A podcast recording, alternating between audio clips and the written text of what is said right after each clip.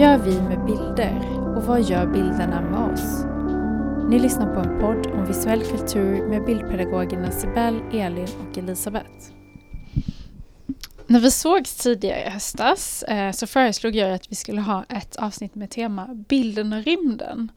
Eh, och jag är lite nyfiken på vad ni fick för spontana tankar när jag presenterade det här förslaget. Jag tänkte att det var jätteväntat. För du kommer alltid in på universum och hur stort det är. Så det var ganska väntat att det kom från, från ditt håll. Och jag var lite, jag var lite blank, eller jag, jag, tror jag tänkte först lite så här, jaha men hur då och vad då egentligen? Och såg lite så här, typ, ja men alltså ett mörker med stjärnor och någon planet och så bara, jaha, vad ska vi säga om det här? Ja, eh, lite så. Eh, och just så här, nej, nu kommer det vara så här, bara Elins ämne för att vi vet att du har läst rymdböcker med din son i flera år här. men Sibel, fick du några bildreferenser? Ja, men kanske nästan för mycket, eh, för jag tyckt väldigt mycket om sci-fi eh, väldigt länge, sen jag kanske var tio typ. Så jag kollade väldigt mycket på sci-fi. Så det blev, alltså, problemet blev hur ska man begränsa sig? För jag vill prata typ om alla Star Trek-serier, alla säsonger, nörda in mig. Jag skulle bara kunna prata om Jaha, typ Deep Space Nine avsnitt för avsnitt. Så jag kände, hur ska man begränsa sig? Och det har ju faktiskt varit lite av ett problem nu också. Och det är, du, för du pratar om rymd och fiktion kan man säga, mm. alltså just hur det gestaltas på film. Och sen finns ju hela den här vetenskapliga kontexten med bilder av rymden. Och lite, det är väl det vi får fundera, eller vad vi kommer göra idag. Det kommer väl lite vara blandning eftersom vi har fältet visuell kultur så är det ju vad bilder gör med oss och eh, den utgångspunkten. Eller? Precis. Och jag, eh, för mig var det, ja, men en av anledningarna till att jag kom att tänka på det var det ju för att det har varit ett jubileum i somras med 50 år sedan månlandningen ägde rund, rum. Och i samband med det så släpptes ju också den här filmen Apollo 11 mm. som är eh, en dokumentär kan man väl säga. Och jag såg den på bio och jag var helt, helt blown away av den filmen. Så jag bara ger också titta på den filmen. Så det ska bli lite kul att höra vad ni, hur ni upplevde filmen. Nu så hann inte ni se den på bio tyvärr, för jag tycker att det är en film man ska se på bio, för det är så himla fina, fina bilder.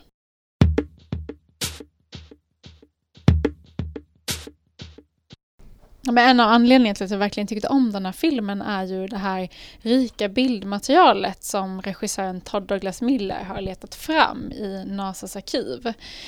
Ehm, och då visade det sig att NASA hade liksom hur mycket lådor med liksom råfilm som var inspelad i så 70 mm film passande för bio som ingen någonsin hade gått igenom. Så han digitaliserade det här materialet och sen har han då i, i det liksom letat byggt en slags story kan man säga, där man under åtta dagar så följer man allt ifrån förberedelse till liksom raketen lyfter, eh, resan till månen, månlandningen och sen tillbaka. Och det är det arkivbilder både från människorna som liksom tittade på, som följde det här eventet. Eh, vi får följa de som arbetade i kontrollrummet, eh, de som byggde raketen och så vidare. Och så får vi också följa med inne i raketen. Eh, och jag tyckte det var så, eller dels så är bilderna otroligt vackra, otroligt skarpa. Det är från 60-talet och ändå känns det som att det är liksom nutid. Man ser, man ser, man får verkligen så se de här personerna så himla tydligt. Men det är snygga bildutsnitt Ja, väldigt snygga alltså, bildutsnitt. Moderna tänkte jag nästan säga. Ja. ja. men att det är väldigt medvetet. De har jobbat jättemycket Det diskuterade med, liksom. vi om man kanske har beskurit mm. originalbilderna. Mm. Ja men precis, det funderade jag också inte. på. Några känns ju som att de skulle kunna vara eh, beskurna. Dels för att de är lite så här, blir lite lägre upplösning som man på något sätt har liksom så zoomat in i den bilden. Um, men också att, ja, men när, jag såg, när jag såg den här filmen så kände jag bara såhär, åh det här är så sci-fi, science fiction. Fast det inte är fiction utan att det är liksom verklighet. Men att det, eller det blev så himla otroligt att de verkligen gjorde det här och hur de har byggt upp filmen. För det, det är ju egentligen inte så spännande eftersom man vet exakt som ska, vad som ska hända. Men så är det vissa moment, typ att de ska liksom vända rymdskeppet på ett visst sätt. Eh, och då har de liksom jobbat mycket med musik och förstärkt Så det blir väldigt spännande ändå, hur kommer det gå? Man känner liksom igen de här Ja men dramaturgiskt också, Ja. att när det är dags för själva la- landningen på månen så är ju det händelseförloppet ganska utdraget och eh, man sitter där på nålar och hur ska det gå tänker man fast alla vet ju. Men att man bygger upp en spänning på det sättet. Och som du sa, just den här äh, spänningsmusiken, att det blir nästan lite actionkänsla i, efter sj- själva uppskjutet så kommer ju någon så här starka trum, ja men någon så här spänningsmusik liksom så att man känslomässigt drar iväg.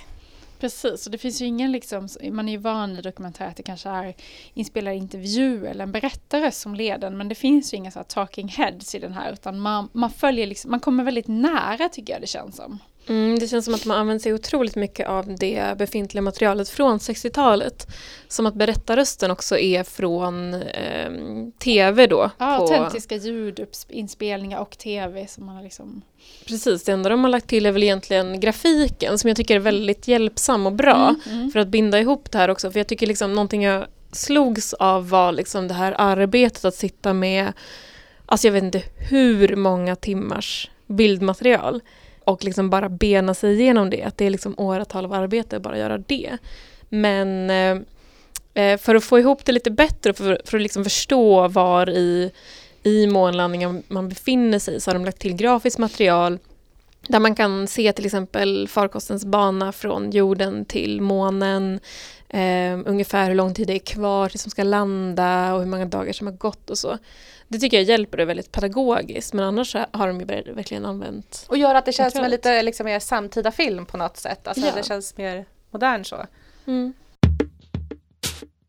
Jag har två bilder därifrån som jag minns extra tydligt och det ena är när de har landat på månen eh, och man får se liksom en, en, ja, en liten närbild på själva månlandaren. Och det är som någon slags guldfolie som är liksom klätt på benen som ser ut som någonting man själv skulle kunna pussla ihop hemma i köket. Att, att man bara, men gud, hur har det här ens kunnat hålla? känner man.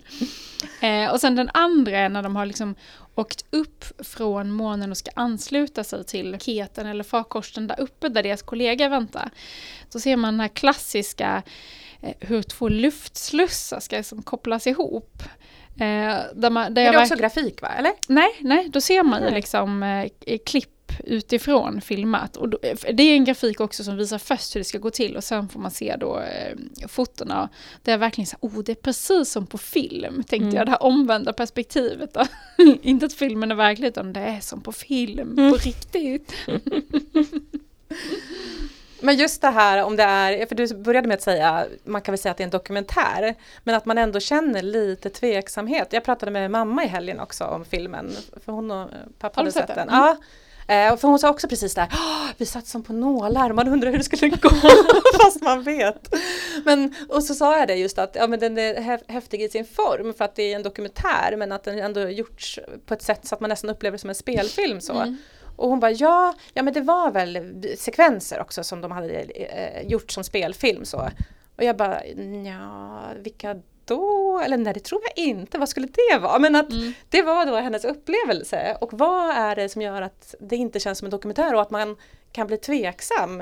Eh, just de här eh, genre Men det måste vara dragningarna. berättarformen, att, att det inte är den här klassiska inramningen med en berättarröst eller intervju, utan att det bara är ett bild, att bilderna talar och sen har vi den här musiken och de här Ja men dramaturgin tror jag Ja. att det är en, en, en tydlig liksom spännings point of no return på något sätt Ja. när de når den här la- landningen och hur ska det gå att vi har, ja men precis som med musiken att det blir en, en spänning och att den är ju ganska långsam egentligen men de bygger ändå upp ett tempo genom att det, ganska ofta har de gjort också två eller tredelad skärm att det är saker som händer parallellt Mm, att man mm. ser rymden och eh, kontrollstationen och lite sådär att det finns ett tempo i den som också gör att man känner liksom att det är, det är lite action liksom eh, och inte det här långsamma beskrivande in, informativa utan bilderna får tala vä- väldigt mycket för sig själva.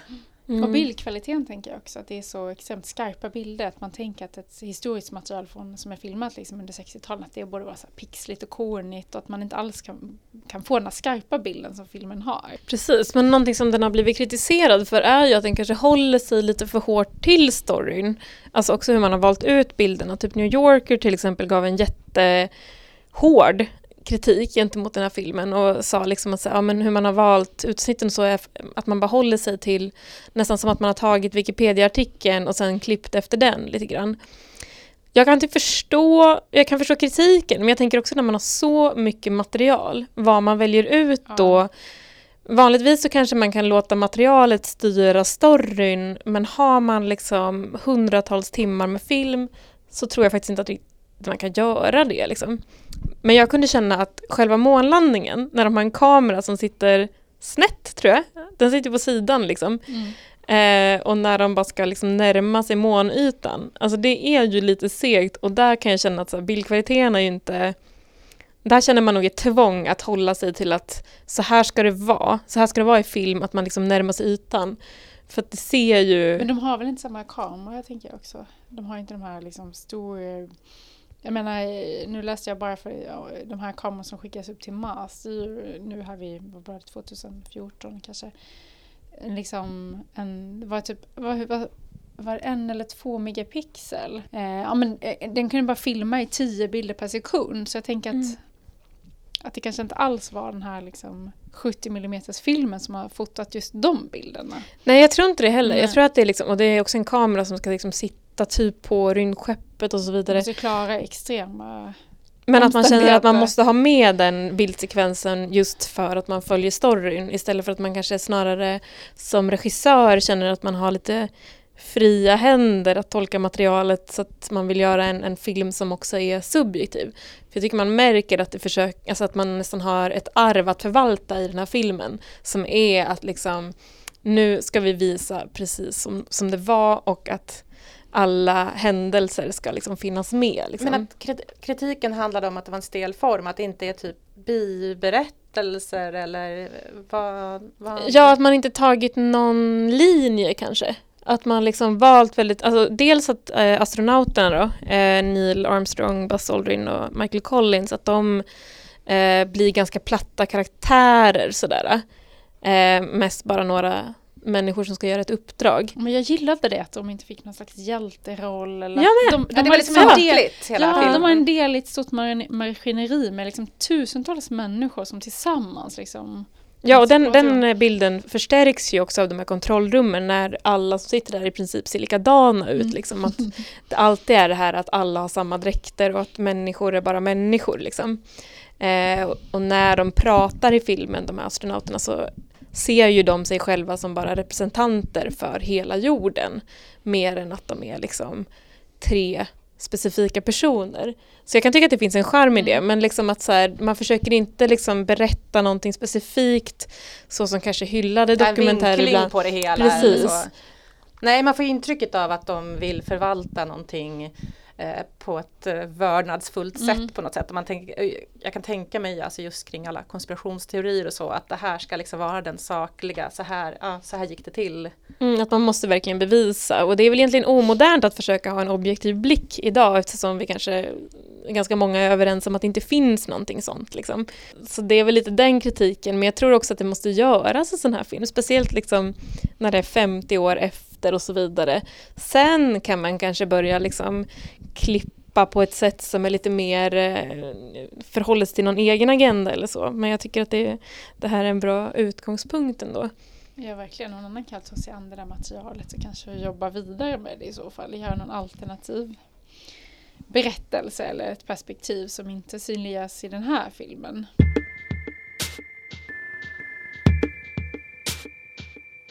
Vi sa inför det här avsnittet att vi skulle kolla på lite rymdfilmer eh, lite fritt sådär tror jag, eller tolkar jag det som.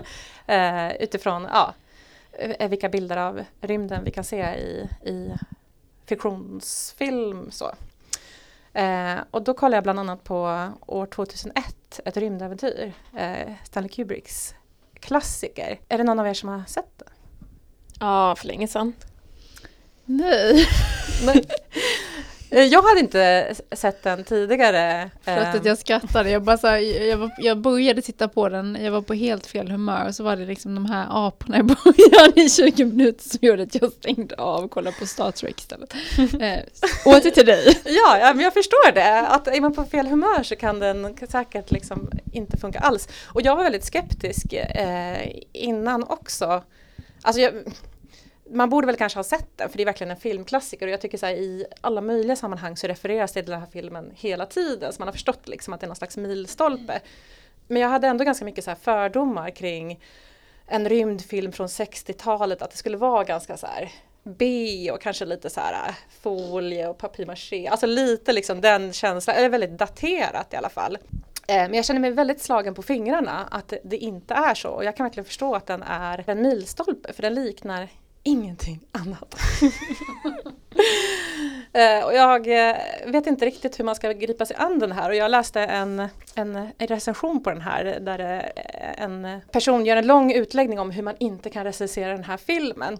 Men det som är så att jag vet inte om jag kommer kunna göra det heller eller om det ens är intressant, men den är ju gjord 1968. Så den är gjord precis ett år innan eh, månlandningen. Och det är ju väldigt intressant eh, kontextuellt så att eh, alltså vad man ser i den här filmen är ju verkligen den här äh, rymdfebern som man kan ana pågick under den här tiden. Äh, att det, det är ett väldigt långsamt tempo och det är väldigt mycket så här äh, miljöer och och det är väldigt lite replik utan det är mycket så här en person går i viktlöst rum med någon slags vikt tyngdskor att, som man ska få fäste och så får man se det jättelänge. Och sen får man se så här närbild på maten de serverar i sugrör, hur man dricker eller äter liksom i viktlös miljö, hur man går på toa, tränar. Alltså det är så här, oj, rymden, wow vad häftigt, så här skulle man kunna tänka sig att det går till om man ska röra sig i rymden. Eh, men det, det finns ju en handling, eh, men den är inte central. Utan det är ju just liksom bilderna och det börjar ju på eh, jorden, eh, 20 minuter apor. Så gjorde att jag funderade att här, se rätt film. Eh, och sen dyker det upp ett mystiskt objekt och sen kastar en av, de lär sig använda verktyg. Eh, och sen blir det snyggt klipp då från det här verktyget, en benknota som virvlar i luften och som övergår då till en rymdfarkost som snurrar i rymden och så kommer, hoppar man fram då fyra miljoner år och vad har hänt med människan sedan dess. Så det är verkligen så här storslagen berättelse. Ja, det finns jättemycket att säga om den här filmen, men jag ska inte snöa in på eh, massa detaljer så. Eh, men han gjorde ju, som jag har förstått att han är känd för i all sin filmproduktion, har gjort väldigt, eh, jobbade i flera år eh, med efterforskningar, gjort minutiösa liksom, undersökningar kring hur NASA jobbar och hela den biten. Och det här blev ju lite en kapplöpning eller det var ju en kapplöpning som pågick med kalla kriget och vem som kom först till månen. Och han liksom startade en egen kapplöpning att den här filmen måste ju bli klar innan månlandningen, äh, första människan på månen äger rum. För annars kommer ju, inte, annars kommer ju han bli liksom nummer två eller liksom en B-film som kommer efter det riktiga materialet. Eh, så det kämpade han med och 1968 då så hade den här eh, premiär. Och det som blir eh, på något sätt eh, nästan dråpligt tänker jag i sammanhanget är nu fick den ganska sval kritik, det, det första som hände av recensenter, att den är väldigt speciell i sin form och man kan, man kan ju lätt känna så här, men vad är det här, vad har vi sett? Just när det inte hålls till en gängse form så kan man ju lätt bli kritisk och kanske tycka att det är dåligt. Men kritiken vände ganska snabbt till att eh, folk började älska den och kända människor sa att den här måste jag se en gång i veckan minst och så vidare.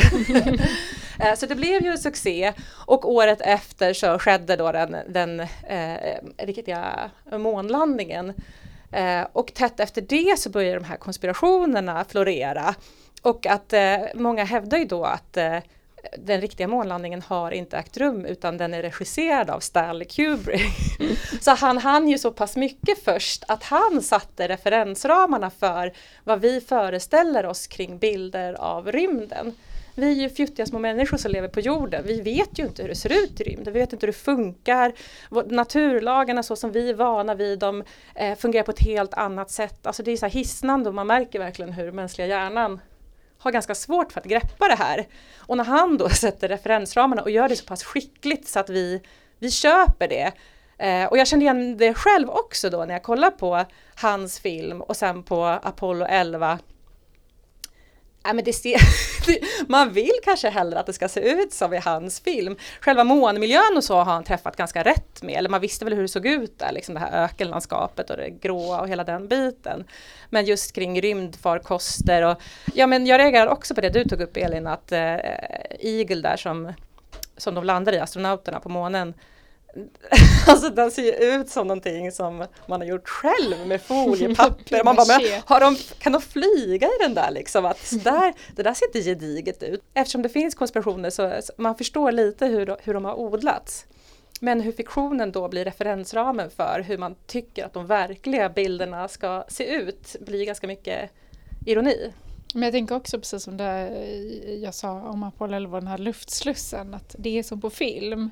Att filmen blir referensramen och verkligheten kommer i efterhand istället. Just för att mm. man inte har sett så mycket autentiskt material från... Men mycket film. Precis, men mycket film. Så det är det som har byggt upp ens föreställningar kring hur det borde vara och fungera i rymden. Det är jättespeciellt.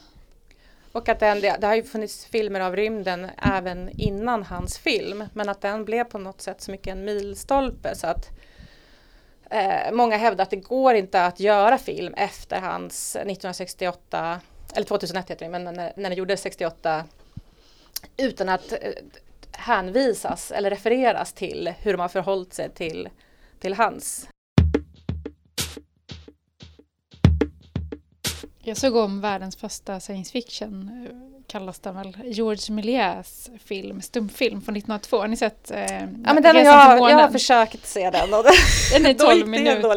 Ja, men, ja, men det finns ju en väldigt eh, känd eh, sekvens därifrån när man ser månen och så är det som ett ansikte i månen som får den här rymdraketen i, i ögat. Ja och det ser ut som att månen är en tårta, gör det inte det? Jo, det är grädde precis. liksom och så bara splätt. Jo men precis, den är ju väldigt, eh, ja men den är den är, den är ganska långtråkig. Det är, lång, gubbar i och gubbar som springer runt, rör sig i långa tagningar och sen är det liksom cutting on action, hur de har klippt ut de här då effekterna. Och sen han är, för det, men det var lite intressant tänker jag, för att de scener som är från månen eh, liknar absolut inte månlandskapet som vi är vana att se, för där är det svampar som växer och är gigantiska och det är stora berg och Just konstiga det. växter och några konstiga ödeliknande rymdvarelser som de möter uppe på månen. Men vad är det här? Det är 1912? 1902. 1902 ja. Så det är ju, och allting är ju uppbyggt i kulisser som har ju ritat allting så man ser att de har jobbat liksom med 2D fast i 3D. Uh, så att det är ja, väldigt speciellt. Så det har ju hänt en del om man säger så.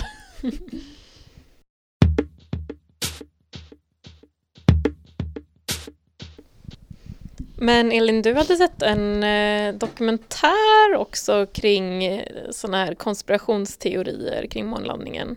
Ja, men precis. Jag tror att du har sett samma, Elisabeth.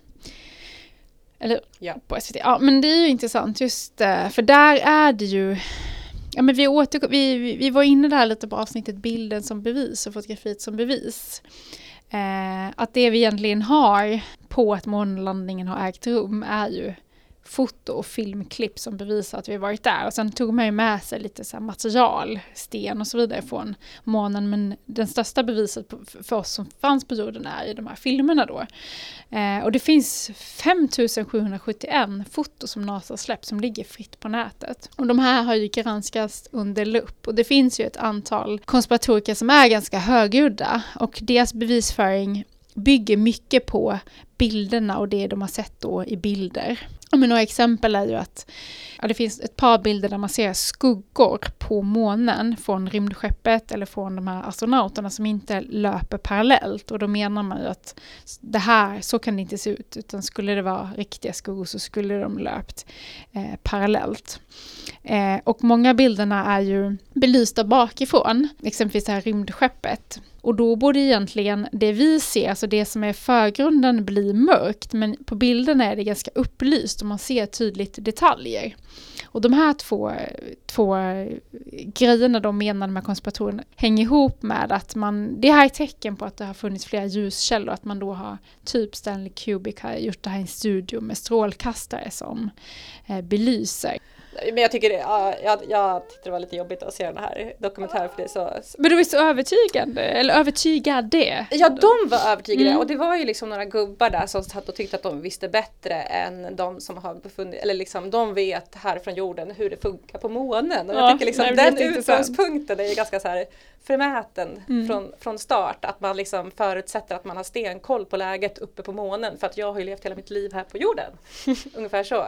Men också så här om Stanley Kubrick skulle ha tagit på sig det här eh, obskyra uppdraget att fejka en månlandning då skulle man väl ändå kunna förvänta sig att han har, använder sin eh, kunskap eh, och inte ljussätter från flera källor om det inte är så det ser ut. Alltså, ja, att, att han skulle göra en sån Sån klantig grej. tafflig, taffligt dessutom. jobb. Och mycket av de där äh, vad heter det, bilderna där, där ljuset inte tycks stämma är ju för att det finns reflektioner, Mm. reflektionsytor eh, där astronauterna befinner sig. Till exempel den här stora blanka ytan på deras eh, farkost. Som gör att det blir upplyst från flera olika håll. Precis, och gällande skuggorna så tänker jag att det är samma fenomen kan man ju se på jorden. Om du har en, om du har en plan yta, eh, om någonting är belyst, ja men en lyktstolpe exempelvis, då har du en parallell skugga. Men så fort det är en, en ojämn, ett litet hål eller vad som helst, då bryts ju skuggan. Så att det, det går ju inte att säga att alla skuggor är parallella. Det funkar ju inte så på jorden heller. Så den är ju helt idiotisk kan man ju tycka. Och att det inte syns några stjärnor tror jag också var en sån Ja, eh, precis. argument. Att, eh, att eh, himlen är helt mörk. Eh, och det blir det ju om man har för kort slutartid. Man måste ju ha lång slutartid för att få eh, ljuskällor från så pass långt håll. Eh, vad hade de mer? Ja, de jo, att hade- flaggan Ja fladdrar. men precis, den är ju klassisk att eh, flaggan fla- fladdrar fast det inte är någon atmosfär. Och det pratar det, de ju det blåser inte på Ja men månen. precis. Och det pratade de om att när de fällde ut den flaggan så längst ner så är det som en, så här, en hårdare vajer för att den ska hållas upprätt. Eh, så när de fäller ut den så är det den här vajern som sätts i rörelse. Som gör att det ser ut som att den fladdrar en liten stund innan den liksom stelnar till och böjer sig. Ja, att det är så låg gravitation Mm. så rörelserna fortplantar sig under ganska lång tid efter en rörelse har ägt rum. Precis. Sen har de det här filmklippet när de går. Man ser ju, jag vet inte vilken av astronauterna det är som är på som är mest känt men det ser ut som att de liksom hoppar ganska så långsamt på månens yta. Eh, och då har de här konspiratorerna, de menar att om man spelar upp det här snabbt, det här klippet, då ser man att de egentligen springer i vanlig hastighet. Eh, så att det är bara ett slow menar att de ska ha motion klipp. Ja, men i det- rumpan. Ja, men sen har de också vajrar för att skapa den här känslan av tyngdlöshet. Så det är både det här att de har gjort i slow motion och sen med de här vajrarna som ska liksom studsa fram på... Och sen var det ju månen. någon också som hade byggt någon slags vakuum, ja, vakuumlåda för att testa hur, hur man kan manövrera en Hasselblad-kamera. De har ganska ett- stora handskar som är Ja. superklumpiga och små och, knappar. Han kunde inte det och då var det också ett exempel på att det var fejk. Och så menar de att hur kan de vara så duktiga på att fotografera? Um, blanda tid, sluta tid. Dels hur de kan ställa in det med de här handskarna men också hur lyckas de ta så här fina foton? För det var ju inte så många på jorden som hade den kunskapen. Liksom. Uh, men de gick ju kurser och lärde sig. Det var ju en, en... Ja, de levde med sina, de fick ju varsin kamera som de liksom levde med dygnet runt i sängen och fotade sina vänner och familj hela tiden. Och han som utbildade astronauterna sa ju just det som du var inne på tidigare att eh, genomför ni den här månlandningen så kan det bli en känd jag kommer inte ihåg hur han uttryckte sig men så kan det bli en, en det kommer bli milstolpe i, i historien. Men vill ni bli odödliga så är det, kommer allt an på vilka bilder ni tar. Det är det här som är det avgörande. Tar ni bra bilder kommer det här bli liksom en odödlig eh, företeelse och ni kommer bli odödliga. Men tar ni inte, misslyckas ni med bilderna så kommer det liksom bara bli en liten anekdot, typ så.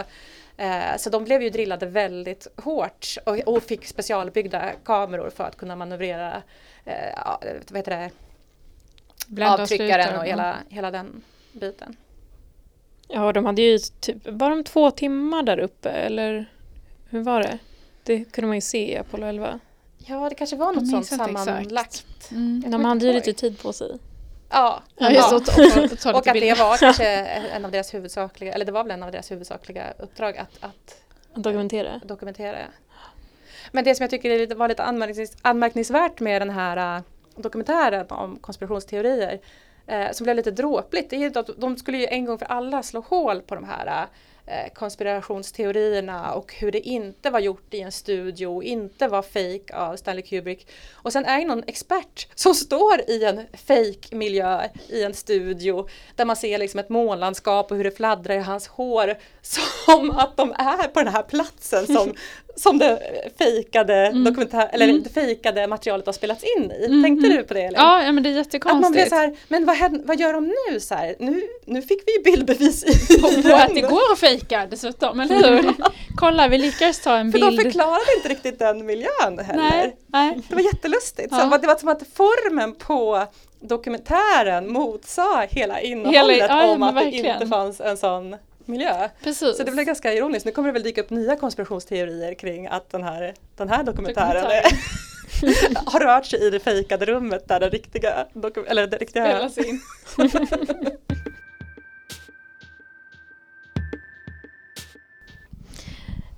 men någonting som jag tänkte på lite kring det här, speciellt eh, när du pratade om den här första rymdfilmen Elin, eh, En resa till månen, heter den så? Eh, Jag minns inte. Ja, den heter något med Lunar bla bla bla. Georges Méliès är väl han? Ja, precis, Georges Méliès. Mm. eh, pionjären. Precis, när var den fransk eller spansk titel? Ja. Eh, men jag tänkte då på så här, vad eh, fiktionen om rymden, hur den är liksom så otroligt nära rymdforskningen hela tiden. Och också hur seendet och fysiken hör ihop ganska mycket, liksom fysik generellt. Eh, vad det gör med vårt seende. Och det känns väldigt aktuellt nu för, jag tänkte på det här Hubble-teleskopet. eh, som fyllde typ 28 eller 29 år i januari i år. Så det var uppe ganska länge, eh, från 1990, 8 april, eh, åkte det med den här farkosten Discovery upp i rymden. Eh, och i och med det så fick ju vi en ganska ja, men, annorlunda förståelse om rymden. Dels kunde vi ungefär säga hur gammal rymden är. Den är ungefär 13,8 eller 13,9 om man avrundar miljarder år. Det känns lite konstigt att avrunda när det är så stora siffror men ja, ungefär så gammal.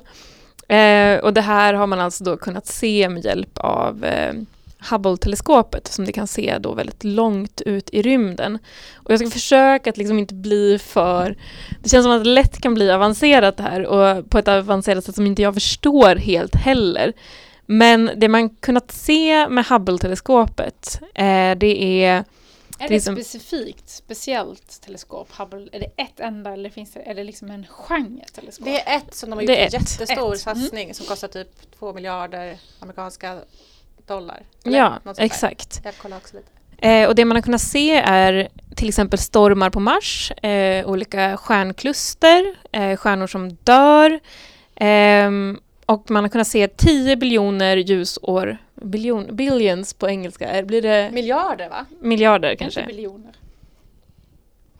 Ti- 10 billions ljusår bort. Eh, och det som blir så himla spännande här är ju liksom att när vi ser i ljusår och så vidare, då blir det ju också bakåt i tiden. Så att det här, eh, jag tycker att det är fantastiskt det här med seendet via det här teleskopet, att man kan se bakåt i tiden. Det låter ju som magi liksom. Mm, mm, mm. Men det man kan se då eh, efter en dokumentär som jag kollade på så fick jag då lära mig att man kunde se stjärnornas tonår i princip. alltså, eller un- universums tonår i princip i och med att man då kan se bakåt i tiden. Ehm, och det är ungefär så långt som vi kan se och ja, vi har kunnat ta reda på ganska mycket. Vi har kunnat eh, förstå att universum växer också. Eh, det skickades också upp en, eh, ett teleskop som heter Spitzer eh, med infrarött ljus eh, som också kunde se genom gasmoln då. Det är nu det blir lite avancerat för på något vis så kan det här infraröda ljuset ehm, se igenom gasmolnen och gasmolnen uppstår när eh, stjärnor bildas och så. Så att det är väldigt viktigt att kunna se igenom det för att liksom kunna se bortom. Eh, så ja, det är viktigt. Men Spitzer kunde då se det här men eh, inte så bra. Den hade inte så himla bra kamera och sådär. Eh, så det som kommer hända härnäst nu då det är att det kommer komma ett teleskop som heter James Webb-teleskopet. Det är då döpt efter eh, NASAs chef. Eh, och jag tror att från början så var tanken att det skulle skickas upp 2018 men allting har liksom förlängts lite grann och nu tänker man att det ska skickas upp 2021 så det ligger ganska nära i tid. Och det består av, alltså man skickar upp det liksom i en slags hopvikt version och sen ute i rymden, ungefär 1,5 miljoner kilometer från jorden, så vecklar det ut sig och så har det liksom en massa hexagoner av speglar och grejer så att det finns liksom någon slags origami-effekt i det här. Eh, och sen så har det också någon slags skydd mot solljus och grejer, så här har man tänkt till väldigt mycket. Eh, och tanken med det här då är att man kommer kunna se istället för universums eh, tonår så kommer man se eh, universums barndom. Tanken är då alltså att man ska kunna se eh, objekt som bildades cirka 400 miljoner år efter Big Bang. Eller infant stars som de sa i den här dokumentären. Då. Pratar de om att se i, kopplat till bilder eller data som de sedan gör till bilder? Bilder? Eh, jag tror foto? att det blir bilder. Precis. Ehm, jag är inte helt säker på hur det funkar med de här teleskopen, men de lär ju ta bilder. Ja, men jag Alltså, tänker- på något vis så måste det ju jag- dokumenteras. Jag, jag, följer faktiskt Hubble på Instagram. Men eh, ja, ja, det, ja, ja, det känns ju som att det är väldigt stor, vi, liksom, vi har kunskap kring bilder och seende men vi är ju verkligen inte astronomer eller något sånt där. Så vi, det är risk att man säger fel men, men den tar ju bilder. Eh, garanterat. Ja, men jag bara Mm. tänkte på den här bilden som kom i våras av det här svarta hålet. Jag la Mm. upp den på också vår story. Ehm, som egentligen inte är, eller man tänker att det är ett foto, men det är ju inget foto egentligen. Utan det är ju eh, så här, radioteleskop som har samlat in data under ett antal dygn. Jag tror att det var åtta stycken. Och sen är det en algoritm som har gjort det till en bild. Så att det är lite vilseledande att Ja, de det är en släppte så här, världen, världens, största fo- världens första foto. Men precis, det är liksom en algoritm som har tolkat datan och visualiserat den. Mm. Så jag tänkte om det var på det ja, sättet. För men det här handlar ju om optik till väldigt stor del. Alltså att det är Mm. förfinad optik, eller hur? Ja, precis. Alltså med tanke på att det här Spitzer-teleskopet inte hade så bra upplösning då i Nej, om man pratar om bilder. Exponeringstider också. Mm. Alltså, tittar man på de här eh, fotona från Hubble-teleskopet så är det ju liksom, apropå bilder av rymden, helt galna foton som ser ut som någon slags så här, eh, syratripp eller science fi- eller så här, eh, jag vet inte vad. Alltså det är ju så här drömvärld. Jag Mm. fastnade, nu hoppar jag din utläggning här. Det är okej. Jag fastnade för eh, en, en som tydligen är en av Hubbles mest eh, eh, kända bilder av nå- någon, en, en specifik emissionsnebulosa som jag inte ens vet vad det är. Men det är något gasmoln eh, och där behöver man jättelång slutartid för det är väldigt svagt ljus. Och då tornar det upp sig någon slags så här, aprikosfärgade stora gestalter som jag tycker ser ut som typ eh, vad heter de här från Harry Potter, de här otäcka spökgestalterna? Det, det, Eh, det, ja, jag vet Ja. inte. Mm. det ser liksom ut som någon slags här fantasyfigurer, någon så här enorma figurer som rör sig långt borta i en avlägsen rymd. Och just det här, eh, vad, vad är rymden och hur ser den ut? Och en lång exponeringstid, alltså vi kan ju få väldigt galna bilder även på jorden när vi tar lång exponeringstid av någonting. Vad är liksom verklighet? Vilken exponeringstid är den mest verkliga? Mhm. Eh, kan man ju då diskutera rent fototekniskt. Att är det att det är ett mörker? Att man ser några svaga ljuspunkter eh, eller någonting. Eller ska vi ha en exponeringstid på det här handlar om två till, till tre timmar. Och då får vi så pass mycket ljus så att det reser sig några liksom galna eh, spökgestalter i rymden. Vad är liksom verkligt? Och kopplat till, till det vetenskapen så är det ju klart eh, var man får information och kan liksom leda vidare på det sättet. Men just det här föreställningar kring hur det ser ut i rymden och kopplat då till ja, men, hur vi tycker att det ska se ut och vad som ser verkligt och vad som inte ser verkligt så blir det ganska Ja det är en intressant diskussion. Ja, verkligen. Mm, jag tror att det, är liksom, att det handlar väldigt mycket med de här teleskopen, att de måste kunna ta bort olika element för att kunna se. Jag läste om någonting som heter röd förskjutning, som är någon slags strålning i rymden som skapats, det är liksom något kvarleva tror jag från Big Bang. Eh, och när universum expanderar så blir det här på något vis längre. Eh, och så måste man kunna se igenom det och så vidare. Så att på något vis så tror jag att teleskopen måste ta bort och se igenom en del ja, vad ska vi säga, partiklar kanske. Eh, för att liksom kunna se längre. Så att liksom att se verkligt tror jag inte liksom ens är eh, jag tror, Aktuell eh, frågeställning. Nej, jag tror inte det. Jag tror att se mer och se längre alltid är det viktiga i den här formen av Och att seende. liksom. seendet här handlar om att få kunskap kring ålder egentligen. Att det är inte så här bilden i sig man är intresserad av utan Nej, koppla fakta Fak- eller, precis. eh, och komma liksom Säkerställa till nya, fakta. nya Mm. rön, hela den biten. Men för en lekman då som tar del av de här Mm. bilderna och inte vet vad det är man tittar efter och så, så gör man ju sina egna associationer efter sina egna referensramar och också blir lite så här, va? Ser ut sådär i rymden? Mm. Och just vad, men, ja, men liksom, vad, vad menar jag när jag säger sådär? Ur vems ögon och ur vems eh, teleskop eller vems... Eh, det finns ju kanske ingen levande varelse där på plats och kan se det här. Så det blir väldigt filosof- Ja. det blir filosofiskt väldigt snabbt. Det är lite som det här, äh, låter ett träd i skogen om ingen är där och, det. och, och hör det? Ser vi någonting i rymden om ingen finns där och ser det? Ja, men precis, precis.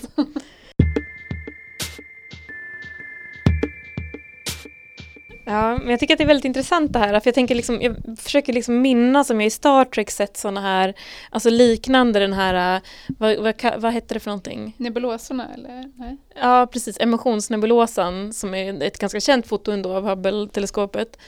Ehm, om, om det är så att man använder sådana bilder också i science fiction liksom, för att föreställa sig eh, rymden eller ja, kanske ur ett så här Ja och köper tittarna det då? Alltså har tillräckligt många av de här referensramarna för att man tycker att ja så där ser det ut i rymden? Eller blir man åh vilken dålig film, vilka, vilka overkliga bilder? Ja, men jag tyckte det här var intressant liksom hur man också använder rymden för att kunna jag vet inte, typ eh, eftersom rymden är så ganska okänd och att vi liksom också har den här osäkerheten inför vad är det vi kan se eller inte. Att så här, när vi får bilder från rymden att vi också liksom det, det är som en så lekplats att föreställa sig olika mänskliga, mänskliga scenarier på. Jag tänker på en konstnär som heter Brittany Nelson som har använt sig av eh, bilder från Mars. För det var inte så himla länge sedan som det skickades upp eh, två små, små, små bilar. Eller är de så små? Jag vet inte. Eh, Spirit Opportunity. 2004 var det som de skickades upp till Mars. Eh, och tanken var då att de skulle räcka, ja, vad nu eh, 90 marsianska dagar är. Eh, jag, jag tror att en marsiansk dag är 24 timmar och 40 minuter om jag förstått det rätt. Eh, men det räckte väldigt mycket längre. Spirit i alla fall. Och sen så Opportunity eh, funkar, tror jag, fortfarande. Och bara åker omkring där i sin ensamhet på Ja, Mars. Cu- Curiosity kom till Mars 2012 så de kanske har träffats. Ja, men vad fint att höra att de inte själv. Men då kanske ändå Opportunity var ensam ett litet tag. Eh, men just det där med de här två ensamma bilarna på Mars har då Brittany Nelson gjort eh, lite konst av.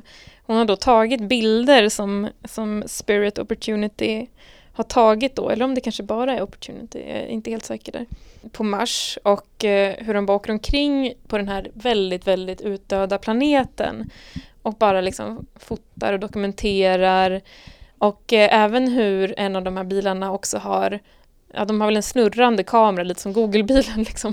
Och eh, fotar av sina egna spår i avtrycket då på, den här, på det här materialet. Ska man säga sand? Jag vet inte vad det är på Mars. Mars sand. Marssanden. Och att det finns liksom det finns någonting så himla starkt känslomässigt i det här. Att hon kunde känna igen sig och se typ ett queert perspektiv, en slags ensamhet i den kanske lite homofobiska delstaten hon befann sig i och så.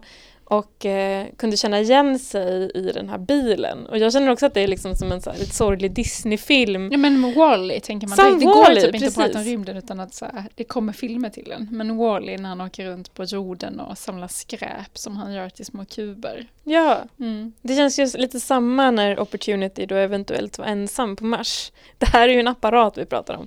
Men Men nu kanske han har träffat Curiosity och de har blivit jättegoda vänner. Det känns i alla fall väldigt fint. Men hon har i alla fall gjort bilder av de här, slags, eh, det heter bromoljetryck.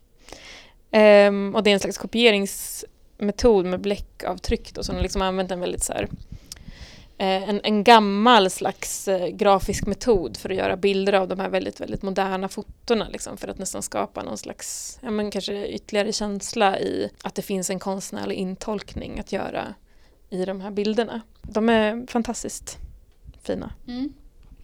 Vi såg ju dem, vi var ju på en utställning nu på Bonniers konstnär, kosmologiska pilar. Tyvärr hann inte jag, det var en, en fysiker, en professor i fysik som var där och guidade. Det var Ulf jätte... Danielsson. Ja, det var jätteintressant. Eh, tyvärr hann man inte titta så jättemycket. Det handlar inte så mycket om liksom verken i sig utan det var mer han som gjorde sina kommentarer utifrån ett vetenskapligt perspektiv. Så jag hann inte kolla på konsten direkt men det, det enda jag, när vi gick snabbt, alltså det jag tar med mig är de här ja, men det handlar om, om science fiction och rymden, är färgsättningen. Alltså hur man liksom, vilka färger man kopplar ihop med science fiction. Att det var mycket guld, silver, glittrande, laser och också former, speglar, spetsiga saker. Och det tänker jag också vad de bilderna och de föreställningarna kommer ifrån, att när det handlar om rymd och science fiction då ska det vara den här typen av material. Det var liksom inte rosa fluffigt som var där utan det var spetsigt och blankt. Mm, det är väldigt spännande. Jag tyckte det var intressant också det han sa liksom om, om science och fiction. Mm. Han jämförde till exempel Star Wars och Star Trek. Mm. Och eh, sa att han inte var ett stort fan av Star Wars för det är mer fiction men att Star Trek ändå har en Eh, är lite mer science för att det har en slags vetenskaplig ambition ibland och kanske också tar, tag, eller tar itu med en del eh, mellanmänskliga eller mellanartliga frågor som hur man skulle till exempel reagera om man träffar en annan art och hur det kanske rent diplomatiskt skulle gå till och så vidare. Men Star Wars handlar egentligen inte om rymden utan den, den utspelar ju sig bara i rymden. Mm. Eh, till skillnad från exempelvis Star Trek eller filmer som Interstellar och The Martian och så vidare. Men jag tänker att det finns här olika typer av rymdfilm också. Det finns ju de rymdfilmer som verkligen så handlar om rymden. Och så finns det de filmer som bara utspelar sig och sen finns det de som utspelar sig i rymden fast kanske egentligen handlar om jorden och mänskligt liv. Att det är liksom lite tre typer Exakt. av rymdfilm.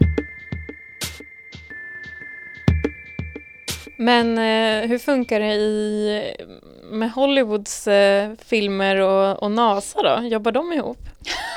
Led ledande fråga. uh, ja men det, de har ju så, jag bara tänker så här, nu när vi pratar film, det blir ju väldigt mycket amerikansk film. Jag har inte sett så mycket science fiction från andra filmindustrier. Jag försökte se, eller jag såg en kinesisk, The Wandering Earth, här i lördags. Uh, men annars är det liksom en genre som jag mest kopplar ihop med uh, Amerika eller USA. Aniara kom ju förra året men den har jag tyvärr inte sett, den svenska filmen. Men det finns ju ett tätt samma, eller en relation mellan NASA och Hollywood. Jag tänker på James Cameron som gjorde Titanic och Avatar. Han håller på och eh, var med och tar fram kameror som man då ska använda och skicka till Mars. Eh, en, en, kamera som både kan zooma och filma i 3D. Jag tänker på eh, ja, men 2012 som jag sa när de skickade upp den här Curiosity så hade det ju en kamera med sig med 2 megapixlar som bara kan filma i 10 bilder per sekund. Och det är ju ett problem att det blir så dålig bildkvalitet. Så förhoppningsvis kommer den här nya farkosten som ska skickas upp i mars 2020 ha med sig en nyutvecklad kamera som man då har jobbat tillsammans med eh, regissörer och filmskapare. Eh, och den kommer ha 23 kameror. Problemet är ju att det spelar ingen roll om kamerorna är skitbra för man måste ju kunna skicka filmerna till jorden. Och för det krävs ju internet och bredband och det finns ju inte så gott om på Mars. Så då behöver man ha med sig extra satelliter för att kunna liksom få bredbandsupplösning. Så det här är ett problem. Även om vi får så här skitbra filmade eh, klipp så måste de ju också kunna ta sig till, till jorden. Så det är också ett problem att lösa. Men jag läste också att NASA granskar ungefär 100 titlar per år. Eh, flest dokumentärer då i form av faktagranskning. Men de har också varit med och hjälpt till för eh, i bland annat The Martian som, som enligt den här artikeln då är vetenskapligt korrekt. Um, och Interstellar har de också varit med och hjälpt till lite grann med. Så det tänker jag också är lite intressant att man liksom Kopplar ihop Ja, precis. Och så tänkte jag på den här filmen du såg Elisabeth, Space Odyssey 2001. Och det pratade den här Ulf om, eh, fysikern, att i den filmen så har man ju med satelliter för första gången. Eh, och i, här blev det liksom ett omvänt perspektiv för då inspirerade vetenskapsmän så man byggde satelliter efter det. Så det här var ju faktiskt fiktionen som man före och sen utvecklade man Och han har många, det finns många sådana exempel i film Mm. det är väl därför den också är sån milstolpe för han gjorde så grundlig efterforskning så att tittar man på det idag så så tar man den liksom, man kopplar nästan till, den är så samtida idag. Att man ser till exempel hur de åker en rymdfärja där alla har infällda tv-apparater framför sig som man alltid har idag i, flyg men man inte hade tidigare. Och det var tydligen någon upphovsdesignkonflikt eh, designkonflikt mellan Apple och en annan tillverkare. Där den andra tillverkaren eh, refererade till filmen och sa ni var faktiskt inte alls först i er design för att vi kan hitta dem i Stanley Kubricks film. Ja. Och just hur han verkligen AI, alltså hur AI-intelligens eh, tar över mer och mer. Eh, röststyrning, alltså det finns jättemycket sådana referenser som är liksom våran tid idag. Mm. Och hur det liksom gjordes för 50 år sedan är ändå ganska häftigt hur det blir, att det kan vara träffsäkert. Och likadant så hörde jag någonting om det finns ju den här pågående Mars-expeditionen, alltså man planerar för en expedition till Mars. Eh, jag vet inte riktigt hur det går för den.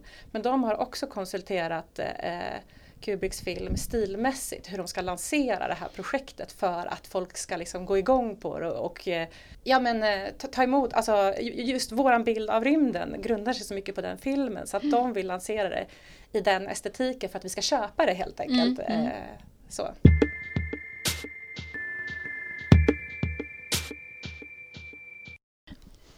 Men jag, tänk, jag är också så här, den här fysikern på utställningen pratade jag också om, eh, ja men jag tyckte det var ganska, det finns ju, vid olika tillfällen har vi ju då gjort försök att skicka så meddelande ut i rymden.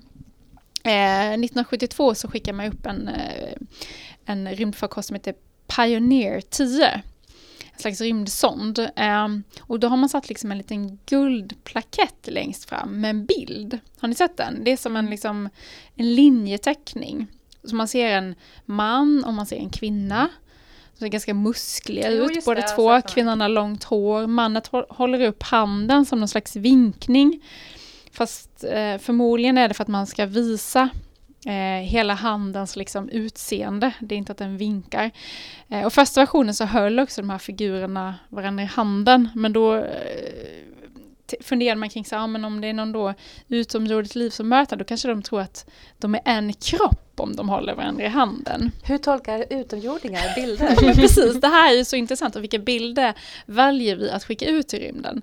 Men var det inte också att kvinnans kön Ja, var precis. censurerat? Man att ser ju mannens bara- kön gick att visa men att det var för farligt Man ser ju att bara, visa ja precis, man ser liksom, hon ser ut som en Barbiedocka kan man säga. Könet ser ut som en Barbiedockas Det finns ingen springa. Precis. Eh, och sen så var det också en, eh, en em, formel för väte som med den här bilden och också en väldigt så enkel linjeteckning av solsystemet. Hur summerar man jordelivet? Ja, ja men precis. eh, och den andra eh, bilden, eller bilderna, det är en radioantenn som har skickat upp ett kodat meddelande. Eh, och om man ser det meddelandet så ser det nästan ut som så Tetris eller korsstygn, så pixliga bilder. Och då valde man en bild på teleskopet, eller radioteleskopet som skickar upp det här, de här bilderna. En DNA-spiral och också en människoliknande gestalt som de bilder man ville skicka ut. Och det tycker jag ja, men det är jätteintressant. Vilka bilder väljer vi att kommunicera till ett liv vi inte har någon aning om? Hur, om alltså vi vet inte alls vad de kommer, kan de ens förstå det här? Eller liksom vad, det är som att vi också har en, en tro på att, eh, att om vi möter liv så kommer de vara mycket mer avancerade än vad vi är. Mm, vi ställer höga krav på Ja, men det, är väl, det, är väl, det grundas väl mycket på att vi är en väldigt ung planet. Mm. Att finns det liv på andra ställen så kan man eh, kvalificerat gissa att de kanske har existerat längre och haft en längre evolution. Men det sa Men- han, fysikern, någonting som för mig var hisnande. Han pratade om, i och med att universum har funnits så otroligt lång tid, så tänker han att det är väldigt liksom det är väldigt liten chans att det finns en civilisation som lever exakt samtidigt med oss. Förmodligen har det funnits massa civilisationer kanske som har dött eller kommer att dö. Eh, en civilisation överlever aldrig så länge, vilket också är lite jobbigt att tänka på i förhållande till jorden, att vår livslängd kommer vara väldigt kort och sen så när vi då dör ut, då kommer det liksom finnas en civilisation någon annanstans. Och vi kommer aldrig veta om varandra. Och aldrig Vi kommer kunna kommunicera. Och om de, eh, nå- någon livsform stöter på det här bildbudskapen, vad vill vi säga med dem? Ja, det är väldigt, eh, någon Hej, slags här nyckel. finns vi! Ja, eller hur? Någonstans nyc- någon slags nyckel. Eller vi så blir kom det- och upptäck oss. Vi kom och ut- kolonisera vår planet. Ja, förmodligen så kanske då upptäcks så här, kanske några miljoner år efter att vi har dött ut. För jag tyckte också att det var någonting man tog med sig, att det är liksom som tiden som människan har existerat på jorden Ehm, är liksom en blinkning, eller som jorden kommer existera utan att bli liksom Ja men i princip som månen eller Mars eller liksom som de flesta, som eh, majoritet av alla andra planeter är som bara är liksom total död planet. Att det är liksom, det är en blinkning, det är så helt otroligt att vi skulle faktiskt samexistera som någon annan planet. Men ett annat budskap vi också skickade ut förra året. Eh, det var en tävling som NASA höll. Eh, och det var rymdsonden Voyager 1 som skickades ut och då är det budskap som vi då har valt att basunera ut i oändligheten det är Vi erbjuder vår vänskap över stjärnorna. Ni är inte ensamma. Och då har man låtit eh, Kirk i Star Trek, skådisen, spe, spela in det här meddelandet och så har man skickat ut i oändligheten. Det är någon, slags, det är någon tacksam marsian som äntligen får ett trösterikt ord i sin ensamhet.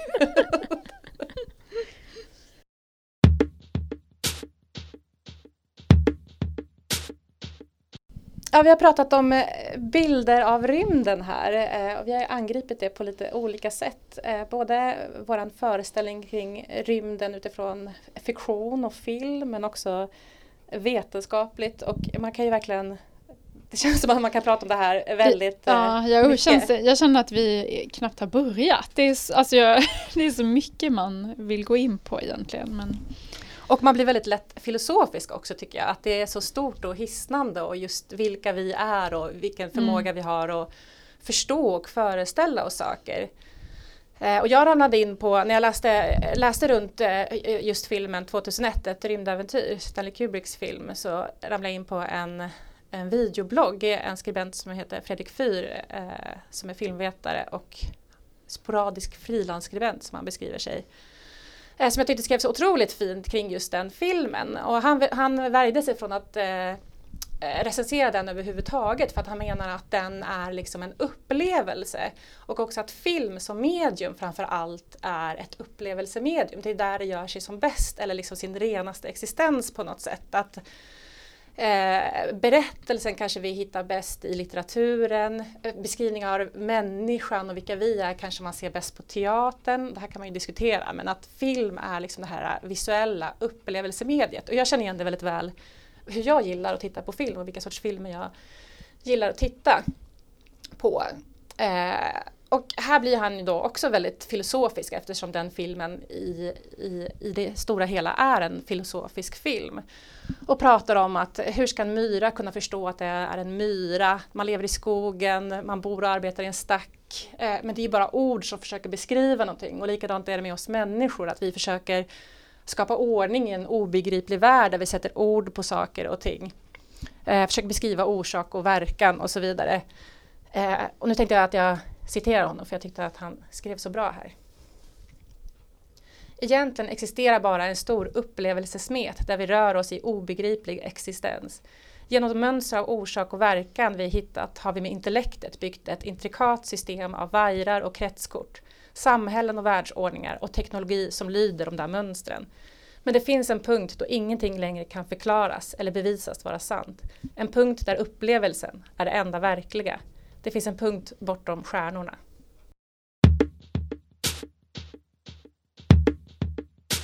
Och då vill vi tacka för att ni har lyssnat på Bildpodden. Som vanligt så vill vi också be er att eh, kolla in oss på Instagram där vi heter Bildpodden. Ofta ger vi lite sneak peek om eh, vad vi kommer prata om i nästa avsnitt.